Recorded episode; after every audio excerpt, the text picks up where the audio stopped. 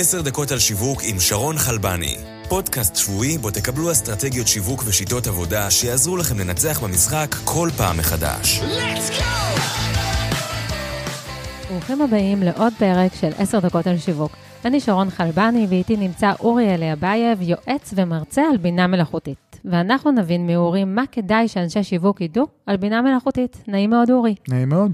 לפני הכל אני אתן עליך עוד קצת פרטים. אורי הוא יועץ בתחום הבינה המלאכותית, זאת אומרת שהוא עוזר לחברות להבין כיצד הן יכולות לעשות שימוש ב-AI בתוך הארגון שלהן, הוא מלווה אותן משלב הרעיון ועד ליישומו.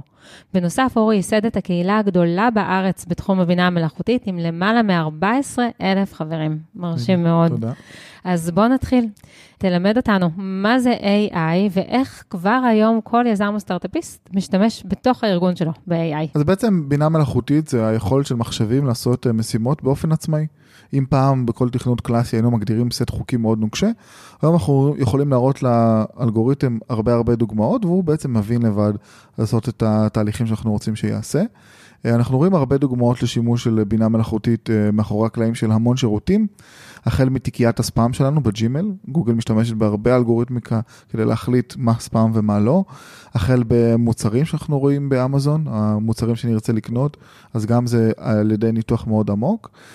נטפליקס, יוטיוב, ספוטיפיי, המלצות של תוכן, טאבולה, אאוטבריין, משתמשים בהרבה בינה מלאכותית כדי להבין מה באמת אנחנו רוצים ומה הכתבה, הפרק, הוידאו הבא שיעניין אותנו. אה, ויש עוד הרבה הרבה דוגמאות, אה, הרבה כלים שמסביבנו, משתמשים בזה בצורה מאוד רצינית. אז זה לא רק אצל יזמים וסטארט-אפיסטים, גם כמובן. אנחנו בבית גם- גם שלנו אנשים פשוטים. ביום, גם אנשים פשוטים, כן. איזה מגמות אנחנו נראה בעתיד בתחום השיווק מבחינת AI? אז אני רואה בעיקר את תחום של הפרסונליזציה, היכולת שלי ליצור פרופילים מאוד מדויקים של הקהל שנמצא מולי. אה, אלגוריתם מאוד טובים בליצור קבוצות של דברים, אז קבוצות של בני אדם עם תחומי עניין משותפים, עם uh, תחביבים דומים, אז זה משהו שהוא מאוד יעזור לעולמות השיווק, במיוחד ב-remarketing, או ביכולת שלי להמליץ על תוכן, על מוצר, על שירות כלשהו, אז זה משהו שהאלגוריתמים מאוד מאוד יהיו חזקים. ועוד מגמה שאנחנו רואים שמאוד צובר תאוצה, זה כל מה שקשור ל-voice. היכולת שלי לדבר עם הלקוחות שלי, להיות במקום שמאוד אה, אינטואיטיבי ונוח להם, מבלי צורך ללמוד שום ממשק. אז זה משהו שעתיר טכנולוגיה והרבה הרבה פיתוחים נמצאים מאחוריו, כדי לגרום לו להיות כזה סימלס, אבל זה משהו שגם יצבור תאוצה. איך החיפוש הקולי בא אה, לידי ביטוי, למשל מבחינת אתרי אינטרנט, או איך זה יבוא לידי ביטוי? אז זהו, אנחנו רואים את זה בהרבה פעמים בדרך שבה אנשים מבקשים אה, לבצע משימות. אז למשל, אם יש לך רמקול חכם בבית, אז אתה יכול לבקש ממנו החל מלנגן שם של להקה אהובה, עד ללהזמין אה, שירות אה, כמו אובר וכאלה. או אפילו סתם לשאול שאלה כללי, אה, ומותגים כן יצטרכו להתאים את עצמם לשם. החל מהדברים הכי בנאליים של קודם כל שיהיה להם נוכחות, ועד אפילו לדרך שבה אה, קוראים למותג. זאת אומרת, מותגים של האלגוריתם של גוגל או של אמזון, יהיה קשה להבין, פחות אנשים ישתמשו בהם. שאני פונה כמה פעמים והאלגוריתם לא מבין אותי, אז אני אבחר את המתחרה או פשוט אזנח את המותג הקיים. כן, זאת אומרת שהחשיבה שלנו צריכה להיות לא רק האם הדומיין פנוי, בדיוק. אלא גם האם אה, קל כן. להגות את השם שלנו בכל מיני שפות שונות. בדיוק, אפילו אפשר לעשות את הבדיקות האלה כבר עכשיו, וזה יכול להיות אלמנט מאוד משמעותי בבחירת שם החברה או המוצר. אה, מה דעתך על אה, יצירת תוכן באמצעות AI? אז זה משהו שאנחנו גם רואים בצורה מאוד מאוד מסיבית עכשיו, אנחנו רואים הרבה עבודות על יכולת ליצור טקסט באופן עצמאי, אם זה באמצעות אה, טקסט קיים אה, וניתוח שלו, אם, יש, אם למשל לחברה יש בלוג שקיים הרבה זמן, אז אפשר ליצור תוכן על פי אותו בלוג. אה, זה משהו שמתקדם בצעדי ענק ומגיע לרמות פשוט מאוד גבוהות. יש אפילו קבוצת חוקרים שפרסמה אלגוריתם שכזה, את היכולות שלו, אבל מרוב שהיא הבינה שהוא כלי עוצמתי כדי ליצור פייק ניוז, היא פשוט לא פרסמה את כל המודל. וואו. רק מה שאומר שזה ברמת בשלות מאוד גבוהה, אבל אפילו אנשים, החוקרים מבינים שזה יכול להיות מאוד נפיץ, אבל אין, אין מנוס שהטכנולוגיה תשתפר ותחלחל לכולם.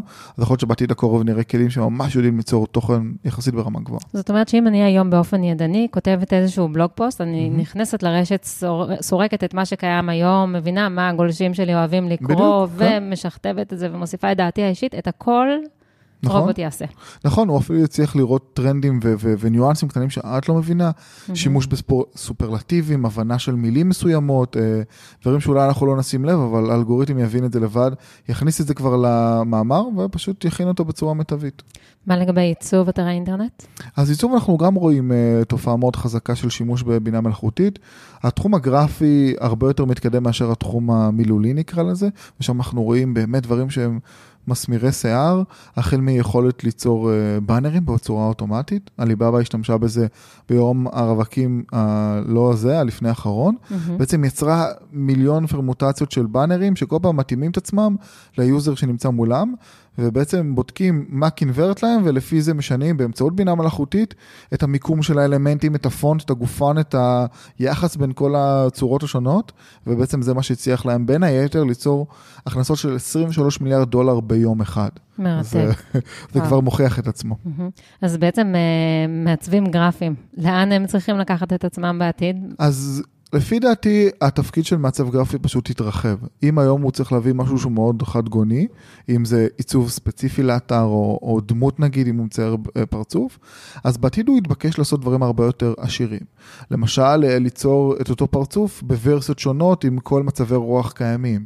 היום יש אלגוריתם שיודעים, בהינתן תמונה שצולמה בקיץ, ללחוץ על כפתור ולגרום לה להיות מוצגת בחורף. בצורה ממש מרשימה. Mm-hmm. אז בעצם מעצב גרפי צריך להרחיב את סט הכלים וסט השירותים שהוא מביא, ואם פעם הוא קיבל עבודות מאוד מדויקות ומאוד ספציפיות, הדרישות יהיו הרבה יותר רחבות לסט רחב של תוצרים. אוקיי, okay, בואו נסיים את הפרק mm-hmm. בשלושה דרכים, באמצעותן מחר בבוקר, כל יזם שמקשיב לנו יכול לשלב AI אצלו בסטארט-אפ. אז הדרך הכי מהירה קודם כל זה להשתמש בסטארט-אפים אחרים. אם יש לך בעיה כלשהי והיא אקוטית, ככל נראה שיש סטארט-אפ שעושה את זה, וככל נראה סטארט-אפ שמשתמש בבינה מלאכותית כדי okay. לעשות את יש זה. יש דוגמאות? הדוגמה, יש דוגמה מאוד קלאסית של חברה בשם גונג.איו, חברה ישראלית שעוזרת לך לנתח את השיחות של אנשי המכירות. כן, אילון רשף, המייסד של גונג, גם משתתף כאן זה... בפודקאסט לפני כמה פרקים. אילון תותח בפני עצמו, ויש להם חברה שבאמת עוזרת לחברות מאוד גדולות בארץ ובעולם, להבין מה המלל ומה, איך נראה המסך של שיחת המכירה, ואז בסוף לחלץ תובנות של איך כדאי להשתפר. יש חברה בשם אופטימל קיו שיודעת להגיד לך מתי הזמן הכי טוב לצלצל ללידים שיש לך, ממש יודעת להגיד אם אחריו הם פנויים או לא, ויש עוד הרבה הרבה דוגמאות, תלוי בצרכים שלכם. זה הטיפ הראשון. הטיפ השני, להשתמש במוצרי מדף מוכנים. היום יש APIים של החברות הגדולות, של מייקרוסופט, של אמזון, וגם של סטארט-אפים כמו Clarify, שיכולים להגיש לך את הטכנולוגיה הזאת מבלי הבנה בכלל ב-AI, ובאמצעות פיתוח פשוט, לחבר את זה אליך למוצר. יצא לך אולי להשתמש ב... כן, אז הסנדלר לא הולך יחף, ובאמת רציתי להראות גם ללקוחות שלי שזה באמת משהו שאפשר לסמוך עליו. אז פיתחתי אפליקציה שנקראת אוטו-הש. כל תפקידה של אוטו-האש זה בעצם לעזור לי לנהל את האינסטגרם שלי בצורה הרבה יותר טובה. אתה מעלה תמונה לאוטו-האש, ולאחר שבריר שנייה מקבל את כל ההשטגים הרלוונטיים לתמונה. אז כך אם אני נמצא בחוף הים ומצלם אותי, את הכלב שלי, ושאני שותה בירה, אז אחרי שאני אעלה את התמונה, אני אקבל השטג ביר, דוג, ביץ', והרבה אלמנטים שקשורים לעולם התוכן הזה. מעולה, וזה כבר מחובר לחשבון אינסטגרם? זאת אומרת, כן. אני מעלה רק לשם וזה... אתה יכול, כן, ואז אתה יכול לשתף דרך אפליקציה, או להעתיק לקליפבורד, אם אתה אוהב לשים את זה בתגובה הראשונה, ובעצם אחר כך להשתמש בזה, מבלי לשבור את הראש כל פעם על מה להאזין ידנית. מעולה. וזה כן, וזה עובד, ויש באמת כמעט... רבע, מיל... רבע מיליון תמונות מדי חודש מועלות לשרת. מה השם של האפליקציה? אוטו-האש. אוטו-האש, כן. כן, תשתמשו, זה מגניב. אני משתמש בה הרבה, וזה עוזר להרבה אנשים ברחבי העולם. הטיפ השלישי זה להכיר כלים שבעצם מאפשרים לך ליהנות מכל העולמות. מצד אחד, לקחת דברים שמאוד ספציפיים לבעיות ולעולמות תוכן שלך, מצד שני, להשתמש בכלים שהם פתוחים.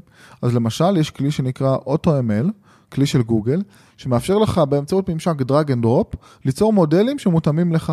למשל, אם יש לך קטלוג של מוצרים שהם לא נפוצים או לא מוכרים על ידי השירותים הפופולריים, אתה יכול לגרור תמונות לכל הקטגוריה, ללחוץ פליי, לחזור אחרי שעה, שעתיים, ויהיה לך מודל מוכן לצרכים שלך. אני יכול לתת דוגמה למישהו שהיה אצלי בסדנה, שהיה לו סטארט-אפ לאופנה, והוא רצה ליצור אלגוריתם שיודע לזהות סגנונות לבוש. עכשיו, אין מוצר מדף שעושה את זה, כי זה לא בעיה כזאת נפוצה. אז הוא השתמש בכלי הזה של אוטו-ML, וכל קטגוריה שם סגנון לבוש, כקז'ואל, ספורט קז'ואל, אלגנט, לחץ פליי, וחזר אחרי איזה כמה שעות, והיה לו כבר מודל מוכן. וכל פעם שמישהו העלה תמונה חדשה, הוא ידע להגיד לו איזה סגנון לבוש זה. יפה מאוד. כן, זה ממש מגניב. כן, טוב, אנחנו uh, ממש בסיום, אז בוא Mhm. נסגור את הפרק שלנו עם טיפ אחד ממך ליזמים ולאנשי השיווק שמקשיבים לנו. הטיפ הכי גדול שאני יכול לתת לכם זה להתחיל לאסוף את הדאטה בצורה מסודרת ומאורגנת. גם אם אתם לא יכולים לפתח מודלים מורכבים מחר, יבוא יום שתרצו לעשות את זה, כי זה יהיה ממש קל וממש נוח, כמו שהיום להקים אתר זה לא סיפור. אבל לא תוכלו לעשות את זה אם לא שמרתם וארגנתם את הדאטה שלכם.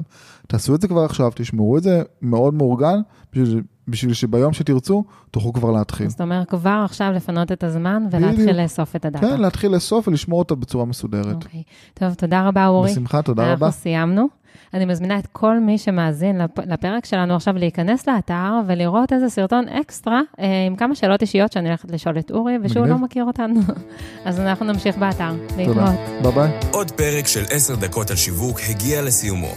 אנו מזמינים אתכם להירשם ולקבל אסטרטגיות שיווק ושיטות עבודה מהאנשים המובילים בתעשייה. אל תשכחו לדרג ולכתוב ביקורת על התוכנית כדי שנוכל להמשיך לספק לכם תוכן איכותי. נתראה בשבוע הבא בעוד 10 דקות על שיווק עם שרון חלבני.